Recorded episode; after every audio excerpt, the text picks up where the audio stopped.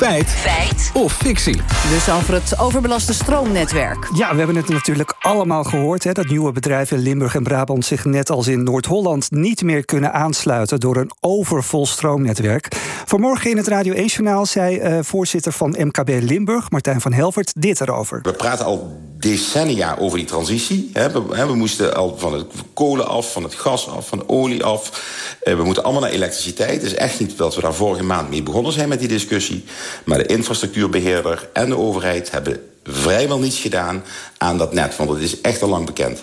Ja, Martijn van Helbert, het, ja. het oud CDA-kamerlid uh, was dat. Nu, dus voorzitter van MKB uh, Limburg. En, en, ze zagen het aankomen, zegt hij, en ze hebben vrijwel niks gedaan. Ja, dan bedoelt hij zichzelf misschien daar ook nog. Maar, of dat nee, nee, nee, nee. maar goed, we gaan het uitzoeken. Is dat echt zo? We spraken erover met hoogleraar Future Energy Systems, Ad van Wijk. Die legt allereerst uit, als je een extra kabel wil aanleggen...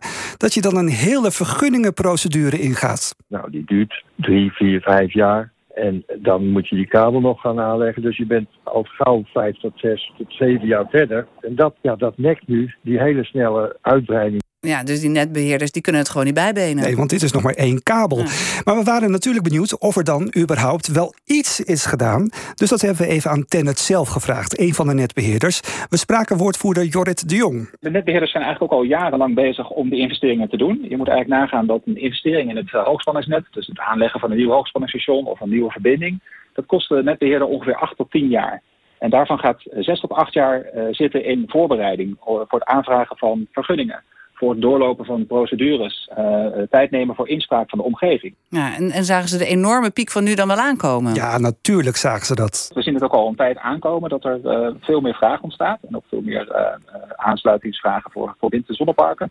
Maar ook aan de kant van bedrijven zien we dat er steeds meer warmtepompen, laadpalen en verduurzamingsinitiatieven in de industrie lopen. Ja, en als ze al wisten dat dit zou gebeuren, waarom hebben ze dan niet al jaren eerder die procedure versneld, zodat ze hierop konden inspelen? Ja, nou, dat komt volgens Laurens de Vries, hoogleraar aan de faculteit Technologie, Beleid en Management van TU Delft.